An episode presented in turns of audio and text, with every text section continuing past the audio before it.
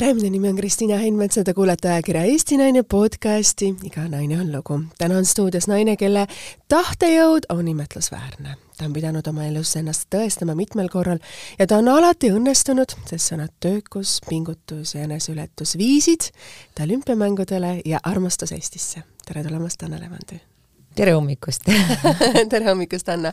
mul on väga suur rõõm, et sa tulid siia saatesse, ma tean, et ma küsisin väga ammu sinu käest, aga siis sa ütlesid, sul on nii kiire, et sa isegi ei taha mõelda nendele detailidele, nii et hea, et sa siis seda suvel selle hetke leidsid ja ma tean, et sul on juba täna varsti lennuk, nii et äh, hakkame aga pihta siis oma vestlusega. sa sa oled suutnud teha midagi, mida tänapäeval on väga haruldast ja erakordset, et me hommikul ka mainisime seda, et äh, sa oled siiani abielus, sul on kolm imelist last ja sa näed selle juures nimeline, nii energiast pakatav ja hoopis teistmoodi välja kui selline tavaline, ütleme, eestlanna. Mis on sinu kas just eestlane või ütleme, sa mõtled, et tavaline noh, harjunud välimusega naine minu, minu vanuses, jah? ei, ma pigem ütlen selles mõttes, et äh, meie eestlastena oleme ikkagi tagasihoidlikumad ei ole, ei ole, ei ole. me oleme ikka palju nagu sellised äh, noh, ei julge kõike teha ja kardame mm -hmm. nagu ette. see võib-olla kunagi vanasti oli nii, nüüd, nüüd eestlas-, e-, eestlannad on ka kõvasti muutunud ja väga, väga vabamaks, äh, julgemaks ja ma kohe näen seda, see on muidugi avatud maailm, see annab jõudu ja julgust just naistele mul on hea meel selle üle ja mulle annab ka jõudu see.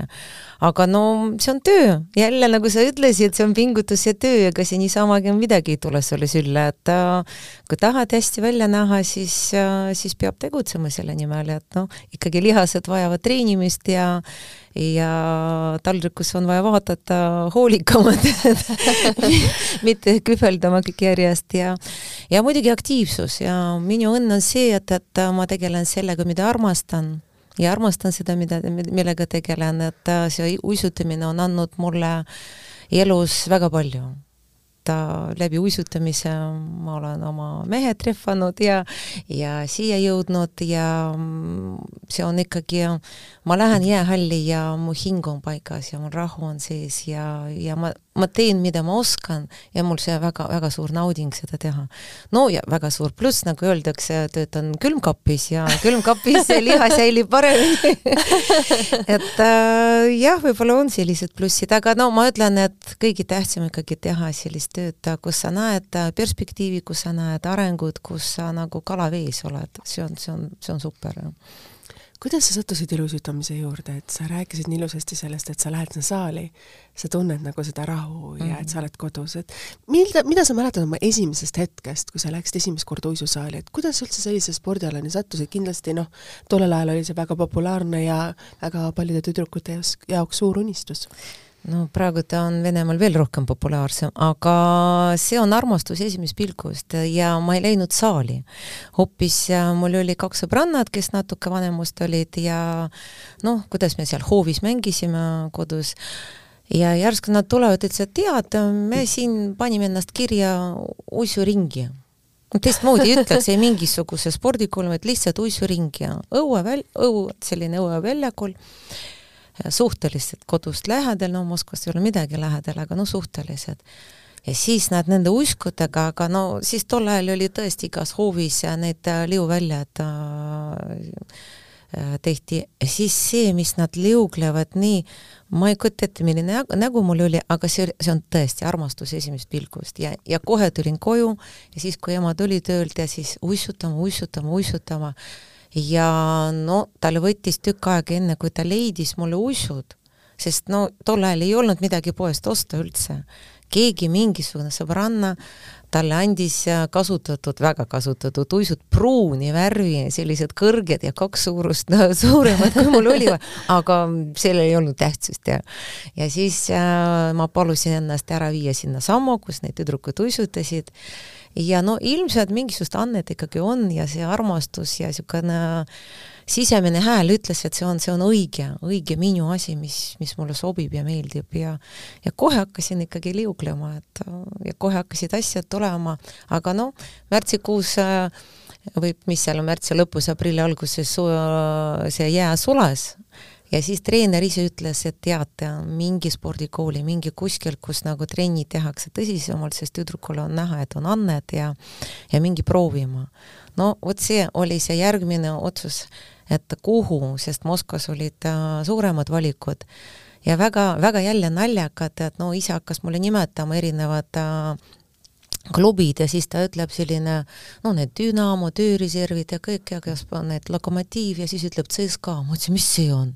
Tundus jälle, no, no mikspärast ma seda, no oli vaja, vaja mul valida kõige rangema, kõige raskema, et siis me oleks võinud niisama liugleda, et ometi mängisid juba sellel ajal juba klaverid ja päris hästi, mul ema on klaveriõpetaja ja seal anned olid võib-olla palju rohkem kui isegi uisutamises ja ja oleks võinud nagu noh, mõnusalt edasi minna, unistasin äh, Prantsuse Lutseumisse minna, et nagu mul vennad käisid, et noh, niisugune teine ettekujutus oli. Aga järsku sattusin nii range spordikooli ja võeti no katseaega, sest minu vanus juba aasta aega oli harjutanud ja no muidugi palju paremini olid kui vana sa olid siis? kuuene. nii kuus öeldi, et on juba vana? ja, ja, ja, ja ega praegu ka ju, ma ütlen ka, et kuus on vana, et uisutamised tullakse ikkagi neljas, et mitte hiljem, kolm-neli ja siis jõuad seda kogu, kogu suure mahtu ära õppida, enne kui sa jõuad juunioride järkusse, et see on, see on väga suur maht, mida on vaja läbida. ja aega on vähe suhteliselt. ja, ja siis, siis juba ka öeldi, et jah, et vana ja hilja, aga äh, otsustas seda, et äh, mul midagi näidati ette ja ma kohe tegin järgi, no need ilmselt niisugused kergemad asjad, ühekordsed hüpped kohe tegid, no nagu silm kiiresti haaras ja kiiresti ja keha tegi. Ja ja siis sellega võeti vastu, aga no esimesed neli aastat ma olin kogu aeg viimaste seas. no kogu aeg, ütleme, saba jäi pidevalt ukse vahele, sest seal äh, visati välja iga aasta esimesel aastal üldse viisteist last neljakümne viiest ja järgmisel nagu kümme ja siis no veel ütleme äh, esimese klassi me läksime, meid oli nelikümmend viis ühes klassis ja ei, see on esimene, kooli me läksime, olime juba kolmkümmend esimeses klassis, siis äh, neljandas klassis meid oli kümme uisutajat ja siis tulid need teised spordialad, aga kümnenda klassi ma lõpetasin üksinda iluuisutajana oma klassis ja sellest tulid teised spordialad. ehk siis nagu ei saa öelda, et kõik vanasti oli tasuta, ei olnud midagi seal tasuta, tasuta anti nendele ainult, kes, kes oli seda väärt, kelle, kelle poolt nagu riik ootas midagi ja ootas ainult tipud ja sest mingisugused kahekümnendad kohad kedagi huvitanud. Vot, et no vot niisugune nagu lugu läks.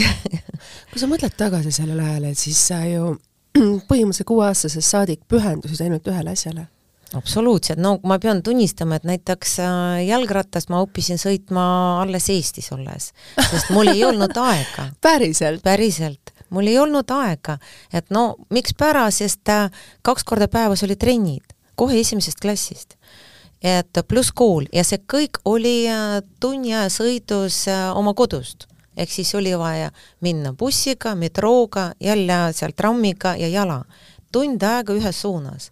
hommikul sõitsime välja, ise aitas väga palju, et seda nagu, talle väga meeldis sport, ta on üldse sport, sportlik niisugune inimene, et tema tegeles minu uisutamisega.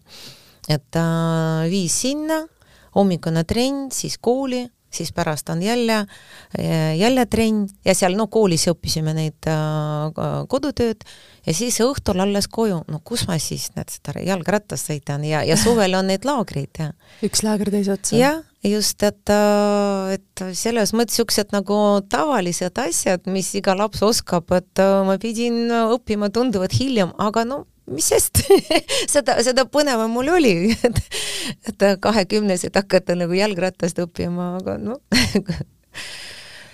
sa mõtled selle ajale tagasi ja sa oled ju täna ka ema, sul on kolm ägedat, väga ägedat poega. on, on kui sa mõtled tagasi, et kui nende elu oleks pidanud olema selline nagu sinu elu, et kas oleks tahtnud nendele sellist elu? no kui alustame nagu tagant, kõige nooremal ongi selline elu mm -hmm. ja ta naudib täiega seda ja ma näen, kuidas ta naudib, ta ta, ta, ta teeks veel rohkem ja, ja ta pühendub, no ta, ta on nii kakssada protsenti pühendunud sellele, millega ta tegeleb, sest ta, see on näha, et ta ka armastab seda et äh, hetkel me oleme siin, aga tema on välismaal laagris ja üksinda tuleb koju. Vot, et arvestades neid äh, praegu lennuolukorrad, ma natuke hirmuga mõtlen selle Frankfurdi ja kuidas ta saab seal hakkama, selle hullumajaga, aga no ma loodan, et saab hakkama kuueteistaastane ikkagi ja, ja näiteks no Armand keskmine poeg ja tennisega oli täpselt sama asi. et Andersi puhul me natuke kahetseme, et me ei andnud talle seda spordi nii nagu, nagu noh, päris suures koormuses, sest ise olime tol ajal väsinud spordist ja mõtlesime, ah ei, rohkem ei taha.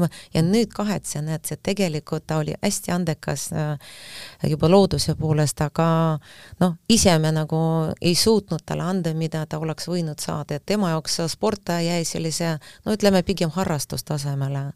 kui oluline on vanema roll sellest, selles, et lapsest midagi saaks, et nagu sa ütlesid, et su noorem poeg on ise juba nii pühendunud sellest, et ta armastab seda ja te vanematena toetate.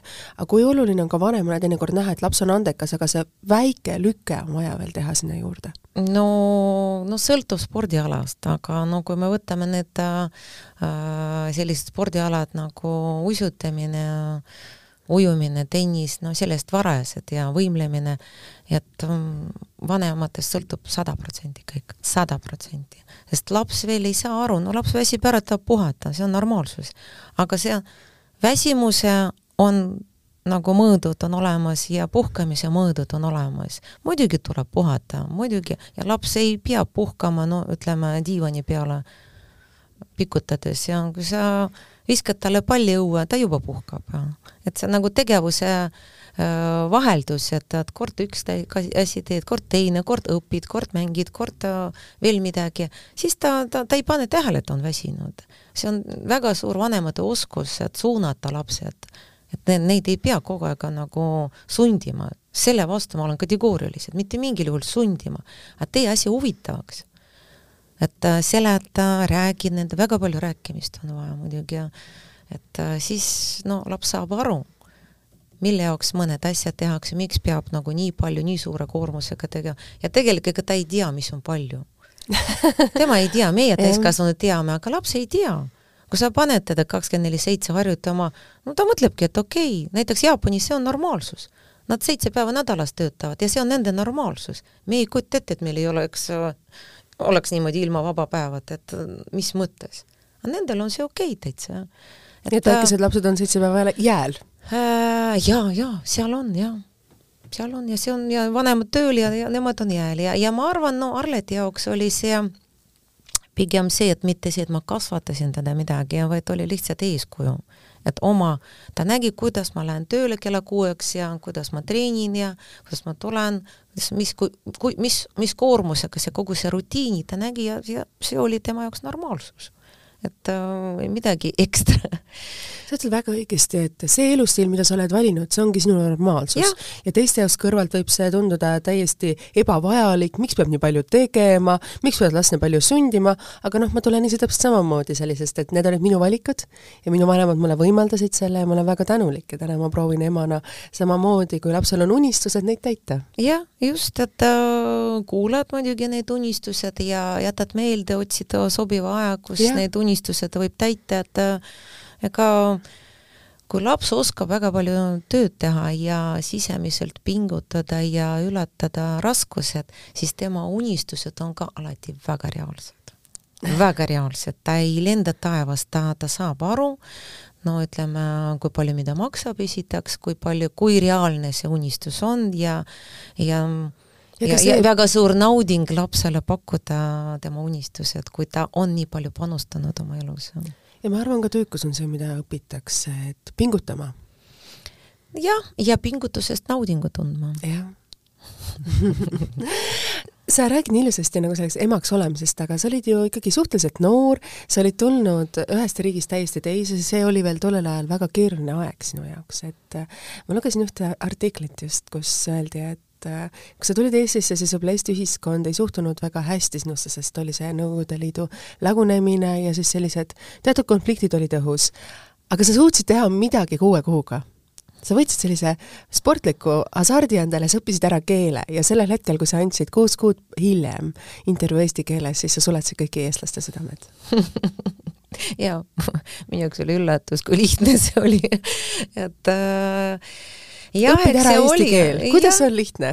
No aga miks mitte ju, mille poolest ta nagu no, kui võib-olla jaapani keel, no ilmselt ma ei õpiks ühe kuue kuuga või mingi euroklubi tead teised, et no araabia keelt vist ka mitte, aga see Euroopa keel, et no selle jaoks ma olen koolis käinud, selle jaoks nagu olen harjunud, mismoodi seda õppida ja muidugi see sport ja jälle see oskus tööd teha, see aitasid, et ma teadsin, mismoodi ma pean õppima, et saavutada edu.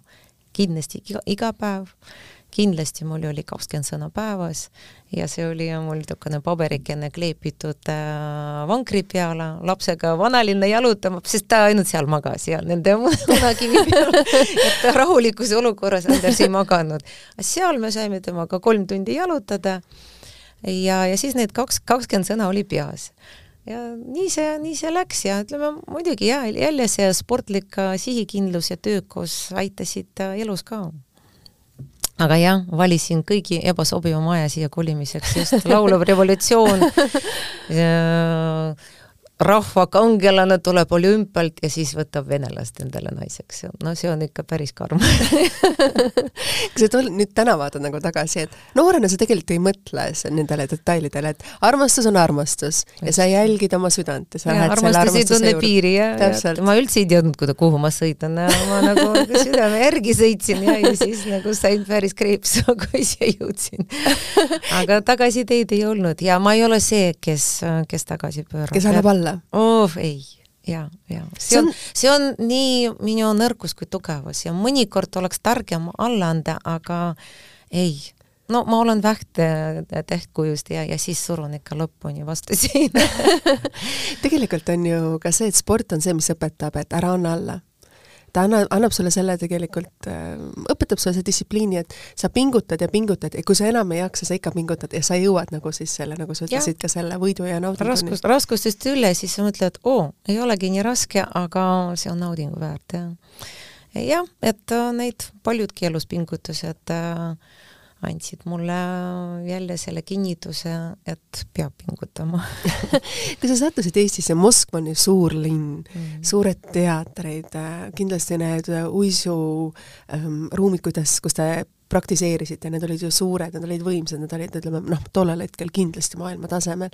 ja sa satud sellesse väikesesse Eestisse, kus kõik oli tegelikult tollel ajal natukene ligad ja natuke logadi, asjad olid kõik pisikesed, väikesed, noh, Tallinna vanalinn kolm tundi, ma arvan, et sa tegid mitu ringi seal peale, Moskvas kolm tundi, sa ei suudaks ühest otsast teisigi käia tegelikult yeah. vanalinnas, et et kui suur šokk oli sinu jaoks tegelikult sattuda suurlinnast mõnes mõttes noh, nagu Tallinnast kuskile pisikesse külakesse selles mõttes just mitte šokk oli, vaid see oli, vot see oli nauding, sest no Moskvas, mida sa näed, sa, sa arvad, see kõik on nii suursugune ja ilus, nii edasi, tegelikult on äh, tavaline igapäevane elu, see on, see on metroosõit või siis äh, tol ajal oli vähe, kellel autot, no minul oli juba sel ajal ja ja siis no need trahvikud, sa ainult seisad kuskil valgusfoori taga et seisad ühes suunas, sa teed need kõik trennid, siis sa sõidad tagasi, siis uuesti õhtuse trenni lähed, et see, see kõik need teatrid ja kõik muud asjad, sul lihtsalt jõudu jaksu ei ole.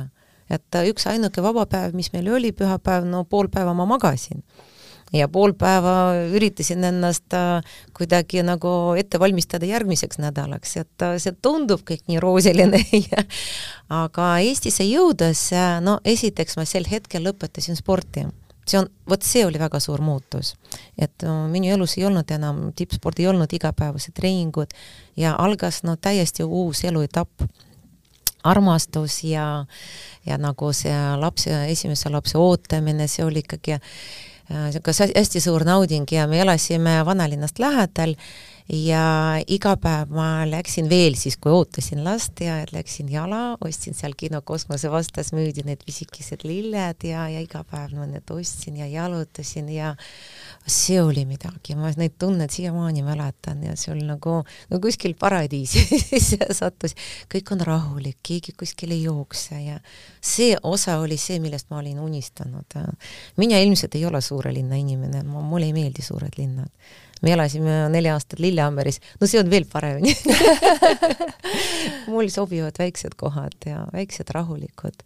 aga ütleme, igav mul ei ole kunagi, mina olen äh, väga palju oma mõtetes ja oma sisemises maailmas, mul on alati peas mingid oma stsenaariumid ja, et selles mõttes minu jaoks ei ole, ei ole üldse oluline, mis ümberringi toimub, minu jaoks on tähtis minu sisemine maailm ja seal ei ole kunagi igav mis on sinu sisemise maailma, kuidas öelda, see stsenaariumi ülesehitus, et äh, on ju kõik nagu, me igaüks e-, ehitame oma elu üles nii hästi või halvasti, kui me oskame ja meil on igalühel omad teatud detailid, mis on meie jaoks sellised põhiväärtused ja meie reaalsed igapäevased vajadused ja need on alati meie stsenaariumi osad, et mis on nagu sinu sellised põhidetailid, mis peavad alati sinu stsenaariumis olema?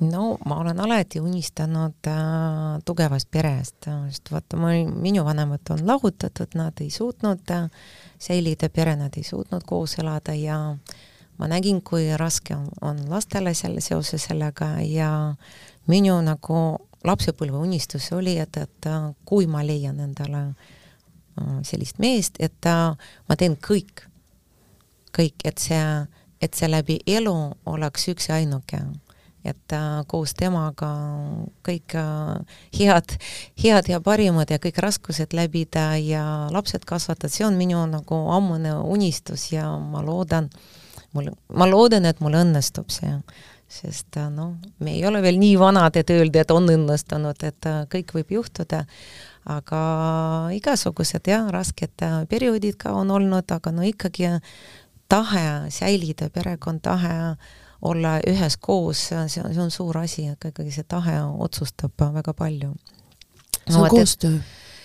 absoluutselt, absoluutselt, üksinda ei saa perekonda säilida, aga no samas noh, kõige, kõigil võivad olla sellised nagu rasked perioodid ja kunagi me teineteisele oleme öelnud, et raskedel perioodidel me toetame teineteise.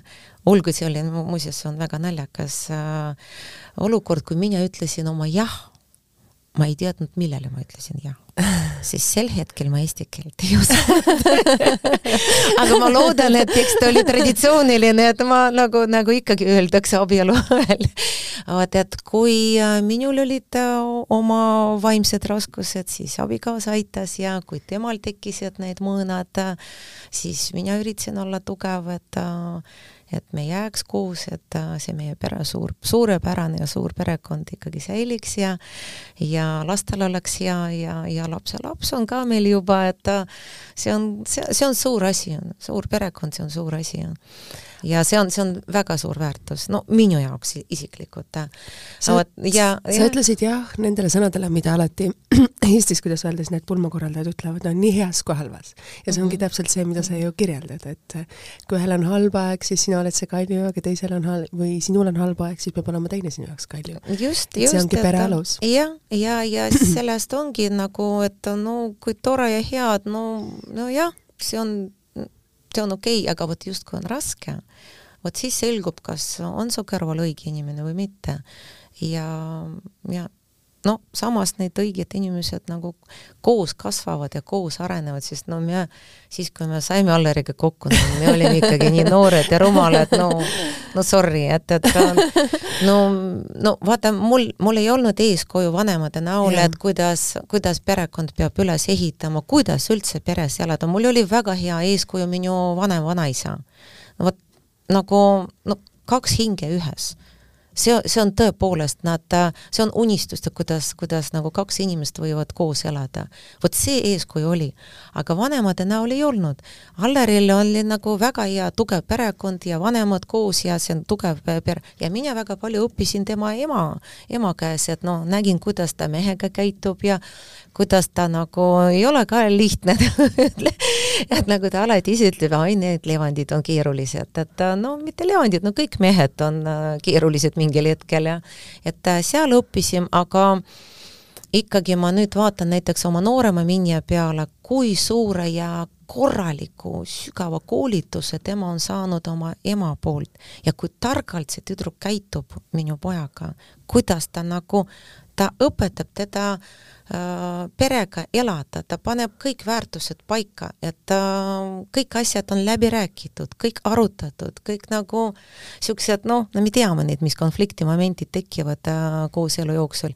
Nad, nad, nad kõik räägivad ja kõik arutavad ja lepivad kokku ja see on, see on fantastiline ja nii noor inimene juba nii, vot oleks selline õpetus näiteks koolis koolis oleks ideaalne, vot see asi, rohkem õpetada noortele. kuidas hoida ja luua suhet. täpselt, ja mis on peres, on äh, millised tegelikult igapäevased äh, asjad, mis äh, mõjuvad koos, koos elus, et see tundub, et armastus, no muidugi armastus on, aga mõned lihtsad asjad võivad täiesti kõik rikkuda. et vot, vot sellist õpetust oleks vaja anda. samuti me siin hiljuti Alleriga arutasime, et mida poistele võib õpetada, no tegelikult tüdrukutele ka. et äh, näiteks no elementaarsed äh, asjad äh,, et kuidas need äh, noh, veetorud, ütleme, parandada, kuidas elektri elementaarsed asjad, ma ei räägi keerulised mingi ehitust, aga elementaarsed asjad, et iga, iga noormees oskaks kõik need kodus kiiresti parandada. et vot sellist õpetust oleks vaja nagu elu, eluõpetused. elulist. elulist ja, ja elulist äh, suhted, õpetust on vaja nii poistele kui tüdrukutele. et kui palju äh, kui palju neid peresid on äh, laiali äh, läinud just sellepärast, et no elementaarset oskust ei ole. ja mina tean enda näol ka samuti, no, no nii lollakad olime. et no lihtsalt armastus, muidugi silmad punnis kõik ja, aga koos elamine, see on hoopis teine asi. mis on sinule see pikk abielu ja kooselu ja selline mõistusega, kuidas öelda, rääkimine, mida sa praegu teed, mis on need võib-olla hetked, mida sa nagu mäletad, mis on sulle nagu olnud õpetlikud ja mis on andnud sulle jõu, et jah, ma tahan minna edasi, jah, ma ei anna alla, et need on olnud kindlasti väga keerulised, väga rasked, on kindlasti olnud ka palju pisaraid, aga mis sa tunned nagu nendel hetkedel, et mis on sinu jaoks siis nagu see perekonnas kõige olulisem, et sa juba rääkisid, et me oleme üksteise kalju, aga mis on ka võib-olla need detailid, mida sa oled ise kogenud, et sa ütlesid, et sa olid nii noor, siis mm. -hmm. kõik tuli koos õppida ja kõigest oli üksi või koos üle saada noh, ma ei tea, võib-olla väga lihtsad asjad tegelikult, äh, millest äh, nagu ei tahaks äh, loobuda, et väga lihtsad asjad, näiteks koos, koos ärkamine, hommikune kohv koos joomine, inim-, inimesega, kellega äh, sul on lihtsalt hea, isegi vaikides hea. lihtsalt vaatame aknast välja, vaatame minu roosid, lemmikud ja, ja meie kodu ilus ja mis on ka meie kooselu tulemus. et äh, ja see on lihtsalt hea, see on niisugune sisemine rahu ja vot sellised asjad on väga raske kaotada. siis näed, äh, millised tõesti suurepärased poisid me oleme üles kasvanud ja ja see, see on neid väärtused ja nagu väga-väga lihtsad, siin ei ole midagi keerulist aga vot äh, kuidagi neid kaotada, nendest ilma jääda, see on väga valus ja, ja sellest nagu selle nimel on, ma olen valmis ikkagi kõvasti pingutama. Vot ja no ma ütlen, et no kuskil nagu õhtul lähed ja jalutama ja vastu ka tulevad sellised paarikesed inimesed, lihtsalt räägivad ja mõtlevad, no, no tõesti on ilmselt ammu juba koos, no me oleme juba kolmkümmend kolm aastat koos ja ja on millest rääkida. Kogu aeg on millest rääkida, midagi arutada, mingid tõsisemad ja mingid lihtsalt lihtsamad asjad ja et vot noh, koos, koos hingamine, koos olemine, koos mõtlemine, mingi plaanide ehitamine ja mingi niisugune noh, kas või igasugused unistused, unistuste täitmine, meil, meil ka on omad unistused kõigil ja see on, see on mõnus ja, ja, ja vot see on minu arust kooselu, et äh, ma ei kujuta ette, et äh, kellega võõraga, kuidas ma seda lähedust võin nagu tekkida, et äh, no kas või isegi nagu ütleme, no sa ei näe teisi inimesi, kuidas öelda, oma partnerina? sest sa oled, sest sa oled võtnud tegelikult sellest, ma tean väga hästi, millest sa tegelikult räägid, et et ma olin ka pikalt selles mõttes abielus ja. ja kogu selle perioodi ma ei osanud vaadata ühtegi meest kui meest, et ta võiks mulle meeldida. Ja ma et see oli hästi naljakas. no sina ütled et niimoodi, aga ma veel mõtlen, no kellele ma ikka võin meeldida, et no mis mõttes, olen juba nii vana ja, ja ja et no, et ei, no mina pigem võib-olla ennast nagu hindan alla ja ma ei oska öelda tõesti, ma nagu ei taha isegi nii väga selle üle mõelda, aga no kui on midagi, mis on hea, siis, siis on vaja, siis on vaja kõik teha, et see jääks ja, ja see areneks ja et äh, see tundub, et kuskil on paremini, nagu öeldakse, on hea seal, kus meid ei ole. ma ei usu sellesse, et äh, see nagu, nagu meil spordis on tihti treenerid vahetakse, arvatakse, et, et noh, kuskil on paremini ja noh, jah, mingi aeg nagu see armumine, et äh, mõned, mõned kuud on võib-olla hea, aga siis see läheb üle ja siis mõtled, et mille poolest on see paremini kui eelmine. eelmine, kes teab sind, äh, kõik sinu nõrgad ja tugevad kohad, kes oskab äh, sind nagu õigel hetkel õigesse vormi viia ja, ja keegi võõras, kes on lihtsalt emotsioonide peale sind treenib ja et äh, siin on ka samad nagu võrdlused, et äh, ma ei usu sellesse, et kuskil on paremini kui sa lõid uisukooli Eestis, see oli selles mõttes ju legendaarne otsus sinu jaoks, et et sa tuled tippspordist sa proovid treenerina hakkama saada, sa lood päris oma kooli, seda ei suuda mitte iga treener. sa võid olla väga hea treener, sa võid olla võib-olla isegi mitte nii hea sportlane, aga sa võid teha head uisukooli, et sa pead oskama kõik need oskused kokku panna ja taas see distsipliin ja tahte jõuda, et kuidas nagu sa ise selle otsuseni jõudsid ja kas sa ei kartnud või on sinu jaoks hirmutav, sest see on ju suur asi? Milline vastutus on sul ju laste ees ja kogu selle, kuidas öelda, Eesti riigi uisuspordi ees mm? -hmm.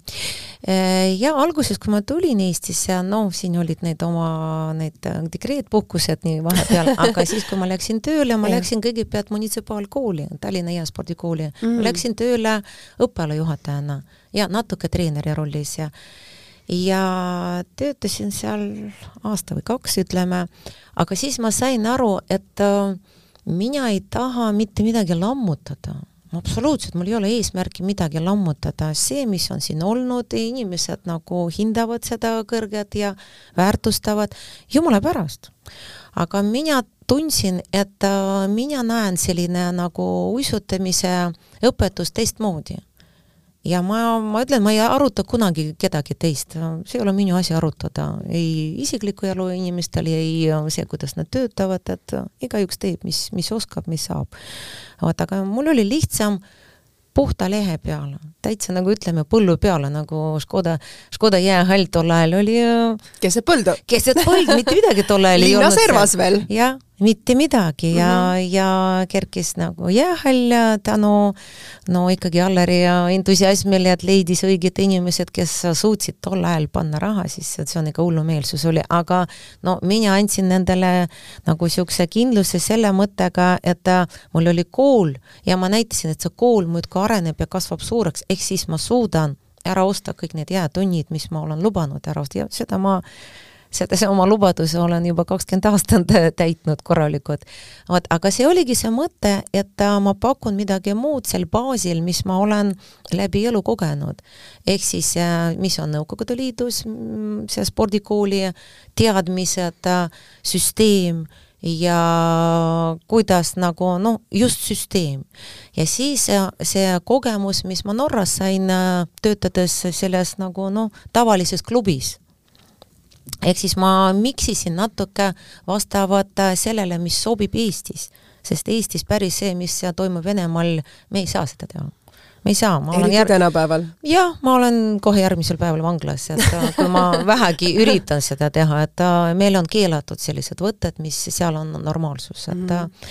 ja, ja siis ma seda miksisin ja mis minu õnneks äh, päris palju treenerid oli sedasama ihaldanud Mm -hmm. ehk mis siis, mul tuli selline hästi entusiastlik äh, noor ja selline hästi töökas äh, kollektiiv. ja ma ütlen täiesti uskumatu, see tuumik, mis meil on, me oleme kakskümmend aastat koos, naised naised, see viis naist ja, ja see on, see on täiesti uskumatu, aga see töö kannab vilja ja, ja see on näha, et, et ikkagi kogu aeg tulevad, tulevad sellised pärlikesed, tulevad üks, teine, me, meil ei tule midagi siin Eestis massilised, aga no ei saagi olla sest meid on no, hästi vähe, aga pidevalt äh, selline, selline töö annab ikkagi vilja, et äh, treenerid on tugevaks treeneriteks, on kasva-, kasvanud ja ja sportlased tulevad, et äh, see on ka jälle nauding, sa näed, et nagu sinu laps kooli näol, et ta äh, ka on tubliks saanud ja suureks saanud ja tugevaks saanud ja see on, see on ka minu jaoks nagu ema, ma olen selle kooli ema see on ka omamoodi nauding sa ilusasti räägid tegelikult, et viis naist lõid selle kooli ja on suutnud veel kakskümmend aastat jäänud sõpradeks, see on väga hästi tegelikult öeldud ja väga ausalt öeldud. järelikult põhimõtted ja. on õiged ja on paigas. eks, eks meil ei ole siin midagi mm, kadestada teineteise mm -hmm. juures ja ei ole mm, ei ole midagi nagu tahta, mida teisel on, meil on kõik võrdne meil on põhimõtted paigas, töötame sama süsteemi järgi ja siis ütleme, et see sobib inimestele.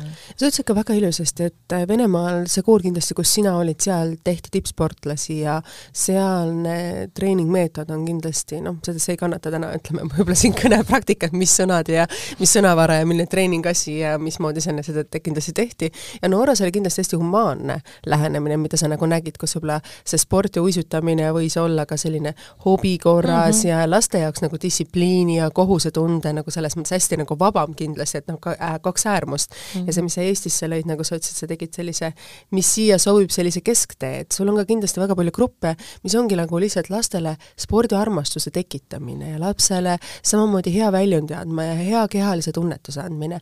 ja siis on need mõned üksikud, keda sa kindlasti välja selekteerid, et nendest ma treenin tippsportlased. no just nii on ju, mitte ainult mina, vaid ütleme teised treenerid ka, aga mm -hmm sport on nii suur asi elus, ma veel ükskord räägin, et äh, no meile ei tooda lapse, ei, ei, ei too ükski laps, lapsevanem siia äh, lapse trenni selle jaoks, et temast tuleks olümpiavõitja mitte keegi ei too, meil tuuakse selle jaoks, et ta, ta oleks terve, ta oleks distsiplineeritud, ta, ta oskaks sõna kuulata, ta oskaks oma aega arvestada ja sellised omadused, mis elus pärast on, on nii vajalikud mm, -hmm. oskus üksinda minna väljakule, kui terve, terve saal vaatab su peale, kohtunikud istuvad, see on väga suur oskus pärast elus ja et sa oskad nagu üksinda olla rahva ees ja rahvamassi eest, et ma tean, et hästi palju neid omadusi, mis nad omavad läbi spordi, räägimata sellest, et meil on kakskeelne kool, et nii vene kui eesti keelt omavad mõlemad, sest grupid on segamini ja see ju väga hea tegelikult. absoluutselt, parim, parim integratsiooniprojekt. Ja, ja, et äh, koos pingutavad, koos rõõmustavad, koos nutavad, koos läbi raskused lähevad ja siin, siin nad näevadki, et me ei eri, me ei ole erinevad, me oleme samasugused. Täpselt samasugust, mis sest, et ühel kodus räägitakse vene keelt, teisel räägitakse eesti keelt. meil kõik treenerid valdavad äh, mõlemad keeled ja siis, siis, siis ongi see, et me õpetame ilusutamist tegelikult ongi see, et ei ole oluline, millisest rahvusest oled sa, vaid millisest, milline sa oled inimesena see on muidugi, muidugi, et äh, see on kõige tähtsam, aga no ma ütlen, et äh, mina ka sellega ei tegele, et äh, minu asi õpetada uisutamist ja, ja õpetada kõik vot neid vajalikud oskused elus. aga kes on nagu rohkem andekam, tasapisi see selgub umbes no viie-kuue aasta pärast, kui sellest ka ajast, kui nad alustavad, siis on juba näha. kellel on see rohkem, no mis kuidas, kuidas? no, no näha nende tulemuste, nende oskuste järgi ja üks treenid ühes grupis, aga üks õpib no kiiremini. kümme, kümme korda kiiremini kui teised, teine võib-olla üldse ei õpi, no, no ei saa siis võib-olla temal sobiks teine spordiala, aga no vanemad tihti toovad ja nad edasi ei mõtle selle, et võiks kuhugile üle viia vot noh, meeldib ja kõik ja on harjunud käima ja endal meeldib vaadata, tüdrukutel meeldib need kleidid, muusikad, kõik ja no arusaadav, sõbrakesed tekivad, vot aga neid, kellel on antud, siis hakkab tasapisi välja, muidugi me peame kõvasti tagant push ima, sest äh, vanemad, kes ei ole kunagi spordiga tegelenud, nad ei näe seda, nad, nad ei kujuta ette. aga sa näed andekat last ja siis peab vanemad äh, õpetama, kuidas andeka lapsega peab käituma kuidas temaga rääkima, kuidas ta, teda aidata, kui ta on väsinud, et mitte losutada diivanil, vaid noh, lähed temaga koos jälle kas või jalutad või teed mingi lisa need harjutused, sest no nii nagu tavakoolis meil ka on vaja kodused ülesanded teha, sest äh, kõik ainult jäähallis ei tehta, väga palju lapsevanemad ise peaks nendega koos tegema. ja vot siin tihtipeale, et no mõned vanemad mõtlesid, mis mõttes, et miks ma, ma ei taha. Ma olen maksnud, las seal kõik treener teeb. Vot ei tule välja. Ma tean seda väga hästi, mida sa räägid, et mul laps lõpetas aasta tagasi. Vanem poeg, kes on täna väga äge kutt, võin öelda kohe kutt. Ta on teismeline, ta on samamoodi sama vana kui sinu kõige noorem laps. Mm, -hmm. aga muidugi ka vanem laps ja ma tean, kui palju oli vaja mul emana teha selleks, et ta lõpetaks muusikakooli. kui palju ma iga päev pidin kodus leidma see tund või kaks, et ta harjutaks. Ja, ja ta lõpetas kiitusega, nii et ja. ma tänan siin kõiki neid õpetajaid, kes tema erisused teinekord teismeeal vastu pidasid aga jah, et ta tegi ära ja nagu sa ütlesid ka, et ja. iga andeka lapse taga on sada protsenti vanem, sest andekaid lapsi on palju, aga nendest vähest, vähesed ja. suudavad teha seda, mis tegelikult anded mm -hmm. nendele on antud noh, see on nagu taimed, kui me neid ei kasta, siis nad ei kasva ja, ja kui head nad ei oleks, siis et ta peab kastma, iga päev seda peab tegema, et ta muud moodi ei saa.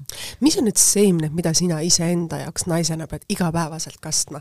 ma ei tea, kas see hommikune tass kohvi koos Allariga või see väike massaaž või väike jalutuskäik, sest noh, üks asi on meie töö, mida sa armastad, sinu töö on muidugi imeline, noh, kindlasti on seal raskuseid asju, aga ikkagi teha tööd, mis on kogu su elu kutsumus, kogu su elu, et see on ju, õnnestub tegelikult väga vähestel sportlastel, sest olümpiale jõudvaid sportlasi on palju, aga need, kes suudavad oma elu sellega, sellele pühendada, on vähe. ja loomulikult ka omada sellist imelist perekonda, ka see on töö, aga mis on sinu, sinu naise need seemnekesed, mida sa pead igapäevaselt vaikselt kastma no hommikune dušš on ja see on, see on see, mis äh, nagu äratab minus äh, ilmselt mingisugust elumahla, tead see peaks olema. külm või soe?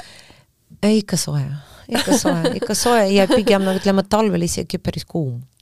Päris kuum, aga no ma olen proovinud seda kontrastduši ja see on hea, äge, aga no pigem kuum jah ja hommikune kohv ja tass kohvi, ma eriti ei ole selline inimene, kes väga palju üldse sööb ja söön vähe, aga hommikune kohv on oluline ja tõepoolest mul on hea, kui me abikaasaga koos joome seda rahulikult, jagame mingid mõtted ja ja, ja siis nagu hakkabki päev. ja muidugi see hästi oluline minu no üldse tervise jaoks, mitte ainult välimuse jaoks, et ma pean oma harjutuste kompleksi ikkagi vähemalt kas, kas vähemalt üle päeva tegema ja mis need on, palun mulle ka, mina tunnen, et ma peaks ka iga päev selleni jõudma, aga ma olen selline, see suvi olnud väga laiskust täis äh, naisterahvas palun, pane, palun kirja. kirjutan kohe üles, nii pan,. pane ennast kirja oota, mis mõttes kirja? No nagu vastuvõtule väga armas, üliarmas nagu selles mõttes. aga mis on need sinu enda harjutused nagu selles mõttes, mis sa teed, et ma tean, et Kristiina Ojuland rääkis oma sellistest hommikuste rituaalidest, et tal meeldib see hommiku kiire jooksukene teha ja ma tean, et Riina Sohotskaja rääkis oma kolmest põhiharjutusest, mida peab iga naine tegema, et hoida noh, oma nagu keha nagu selles mõttes äh, balansis, kõik erinevad nagu teatud lihasgrupid. mis on nagu sinu siis sellised võib-olla, ma ei tea, kaks, kolm, neli, viis harjutust, mis on sinu jaoks hästi olulised? no nad on jaa, sest ma pean mm. korras hoidma oma selg näiteks, kui ma seljalihased ja mm -hmm. ei hoia korras, siis äh, selg kukub kokku ja siis on äh, tugevad valud ka igal pool. et see, see on lihtsalt nagu noh, lihtsalt must kui ma seda ei tee regulaarselt äh,, siis no siis mul on siis valud ja siis hakkan kiropraktide juures käima ja siis hakkab otsast peale ja see on palju raskem kui lihtsalt pidevalt vormis ennast hoida. ja siis no erinevad harjutused äh, selle võimlemiskummiga äh,, mis no aitavad neid teha, nad ei ole keerulised, hästi lihtsad, aga lihtsalt tuleb teha ja see ongi see regulaarsus ja, ja distsipliin. ja, ja, distsipliin ja regulaarsus. kõige paremini oleks muidugi iga päev, aga no võib-olla isegi ei pea, üle päeva on täitsa okei okay. ja jooks ei, ei ole minu jaoks kohustuslik, aga vot see jalutamine on minu, ütleme, vaimule on see väga hea asi, sest kui ma pikalt jalutan, siis ma nagu kuidagi nagu sisemiselt rahunen ja ja see hingamine ja süda, süda peab pumpama nagu niisuguses nagu rahulikus rütmis ja et ähm, no sellised asjad, aga no jalutamisega on tihtipeale on see talvel raske, et äh, pika, pika, mitte mhm. külma pärast, külmaga ma olen harjunud, aga mul on hästi pikad tööpäevad ju mm., no lapsed tulevad, jaa, lapsed tulevad ju peale kooli ju trenni et meil no põhitunnid hakkavad äh, kella kahest ja mõnikord kaheksani kestavad, et noh, kus sa ikka veel õhtul jalutad hommikul üksinda päris jalutamine ka on natuke naljakas ja noh, kui Allar on tööl, et äh, siis jäävad need jalutuskäikud pigem nädalavahetuse peale. aga no vot ikkagi looduses olemine, see on hästi oluline minu jaoks. ja, ja vot see võimlemine et ähm, see on niisugune, no iga inimene peab leidma oma, omad asjad, et kellele jaoks mida on oluline. sa oled reisinud hästi paljudes erinevates riikides, nii töötanud, elanud kui ka käinud puhkusreisidel, et mis on need nagu välismaal töötamise kogemused sul andnud, et sa rääkisid Norrast, kus oli nagu täiesti selline teistmoodi kool ähm,, mis on nagu need detailid või asjad, mida sa oled iseenda jaoks võtnud, sest kindlasti Eesti on midagi muud kui kuskil mujal teises riigis töötas, sest noh, Allar on olnud ka seoses oma, oma töökohustustega ju ka Eestist eemal tööko-, töötades. no igas, igas riigis on midagi võtta, no esiteks mul väga meeldib kuulata keeled see on, see on väga huvitav, see on, no ilmselt mul on piisavalt seda musikaalsust ja tahan kõrvaga kuidagi kuulata. Ja no igast reisist tahaks ikkagi no midagigi natuke õppida, et see on, see on hästi põnev ja no iga koht on erinev, see ongi see emotsioonidel järgi me käimegi reisimas, millegi muu pärast. Ja ega meie muidugi Alleriga reis me, meie jaoks on võimalus olla kahekesi omaette et äh, keegi ei kirjuta, keegi ei helista äh,, vanematele ei pea mingisugused need kirjad saatma, et äh, täiesti out ja kahekesi oma, oma, oma nagu oma väikses, väikses mullis, et äh, seda on vaja teha ja seda ma soovitan, ma soovitan kõikidele paaridele, kes arvab, ei no mis ma ikka oma vana mehega, mis me iga päev oleme koos, ei, see ei ole see. vot kui me oleme iga päev kodus koos, see on üks üks selline tunne. aga kui me läheme kahekesi ükskõik kuhu, ükskõik kuhu, see on hoopis teine tunne ja see seob ja ja see, siis ongi seesama lähedus tekib ja avarus ja selline nagu no teineteise tunnetamine ja ja siis võib-olla mingisugused äh, mõtted, mida igapäevases elus ei hakka rääkima, siis, siis tulevad välja, siis noh, see nagu niisugused pühakud tulevad välja, see on hästi oluline, et iga paarikene peab endale lubama no üks kord aastas igal juhul kuhugile saama kahekesi, aga parem ikkagi mitu korda aastas sellist nagu asja endale lubada. nii et ka suhet tuleb osata kasta õigesti e,? jah, jah, ja, ja ma veel ükskord räägin, ei olnud alati selline tarkus tuli aastatega ja kogemustega ja, ja läbi valud läbi eksimused ja kõik, jah sa rääkisid, et see kogemus on tulnud läbi valu ja läbi eksimuste. see on olnud võib-olla sinu jaoks võib-olla selline raske hetk, kus sa oled mõelnud, et ei tea, kuidas edasi. ja mis on aidanud sul naisena sellest nagu üle saada? no on muidugi olnud, muidugi olnud ja peab tunnistama, mitte üks kord, sest no palju ja, ja no sest elu on ju tõusude ja mägedega, meil ja, ei ole kord ja, üles ja kord alla ja siis on kõik. Iga kord ikkagi mõtled, mõtled ja vaatad äh, endas hästi sügavalt, mis on sinu jaoks kõige olulisem. kas äh, jah, ja selle, selle järgi nagu juba otsused võtta, mina hästi usaldan oma sisemist häält, hästi usaldan, et äh, ma ütlen, see on ainuke, ainuke mida ma, asi, mida ma usaldan sada protsenti, et ta ei ole kunagi ta mulle valetanud, et ta, ma kuulen oma süda ja süda aitab äh, teha õiged äh, otsused, õiged järgmised sammud ja ja ma olen tänulik oma sisemisele, ütleme, vaistule. et äh, õnneks see mul on olemas ja kuhu edasi? Edasi muudkui edasi ja Kuhu? elu, aga ma ei tea, elu, elu pakub, see ongi põnev ja ma ei taha teada, mis seal ees on. ma ei taha, see peab olema seiklus, elu on seiklus, elu on avastus, elu on äh, adventure nagu ikka, et äh, me ei tea, mis järgmine päev pa- pakub, loodan, et midagi pahat, arvestades sellega, mis maailmas praegu hullumeelsus toimub, et äh, loodame, et, et kuidagi mingil määral see läheb üle ja, ja inimesed rahunevad maha ja hakkavad äh, lihtsad asjad naudima, päikest ja ja rohelist muru ja üldse, linnukesed laulavad, et äh, ja ei ole vaja nii palju rikas olla, ei ole vaja nii, nii palju omada ja lihtsalt see elu on nii, nii ilus aga kuidagi inimesed on äh, unustanud seda ja selline ahnus elus ja on viinud hullumeelsuseni, et äh, ma ei tea, mis peab, millised äh, nagu vitamiinid inimestel on vaja anda, et, et nad hakkaks lihtsalt elu naudima. mis on need sinu jaoks, need hetked, mida sa tead, et sa ei taha kunagi nendest loobuda, sa ütlesid, see, sinu roosid sinu aias roosid, jah. roosid on hästi oluline asi, et see on minu vanemalt pärit ja äh, ta kuidagi sisestas, et selles on midagi ja mingi, mingi nagu hing nendest roosides ja ma tihtipeale, kui vaatan neid, just mõtlen vanaemale, tema sõnadele, tema õpetustele, ta on mis olid tema sõnad?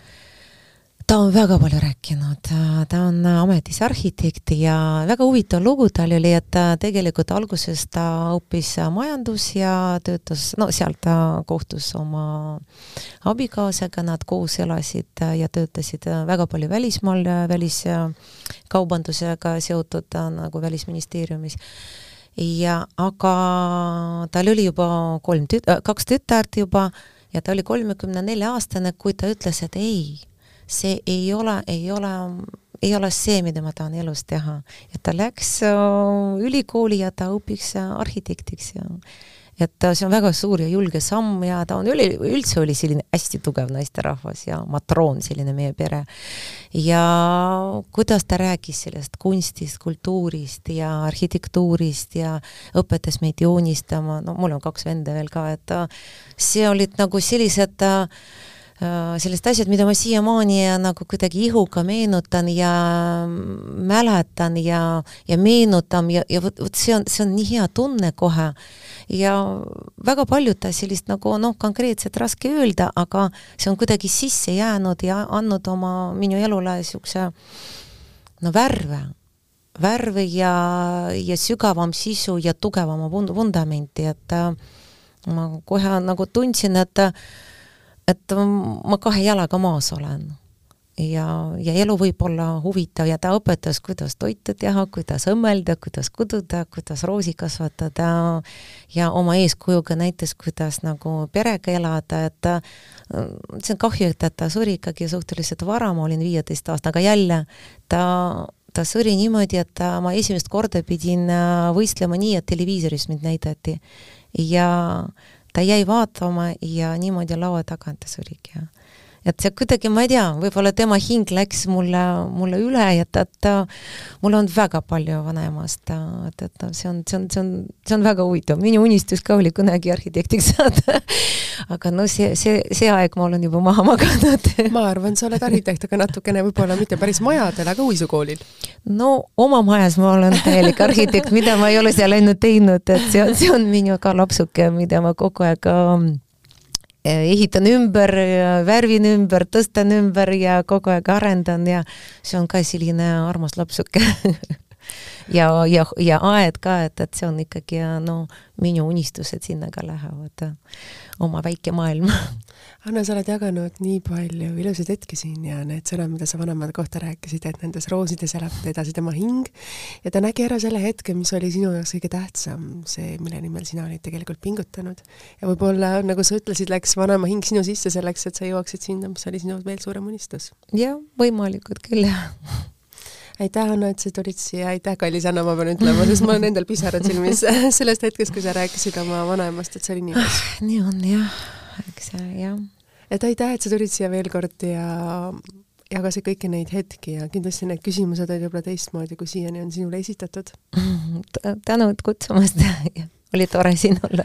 ja aitäh teile, kallid kuulajad, et te olite selle tunnikese meiega, ma loodan, et te saite midagi väga ilusat ja midagi armast ja südamlikku meie argipäeva, sest meie argipäevad ei ole tihtipeale nii ilusad ja kenad, nagu oli olnud see meie tänane vestlus, siin on olnud palju südamlikkust. aitäh sulle veel kord, Anna.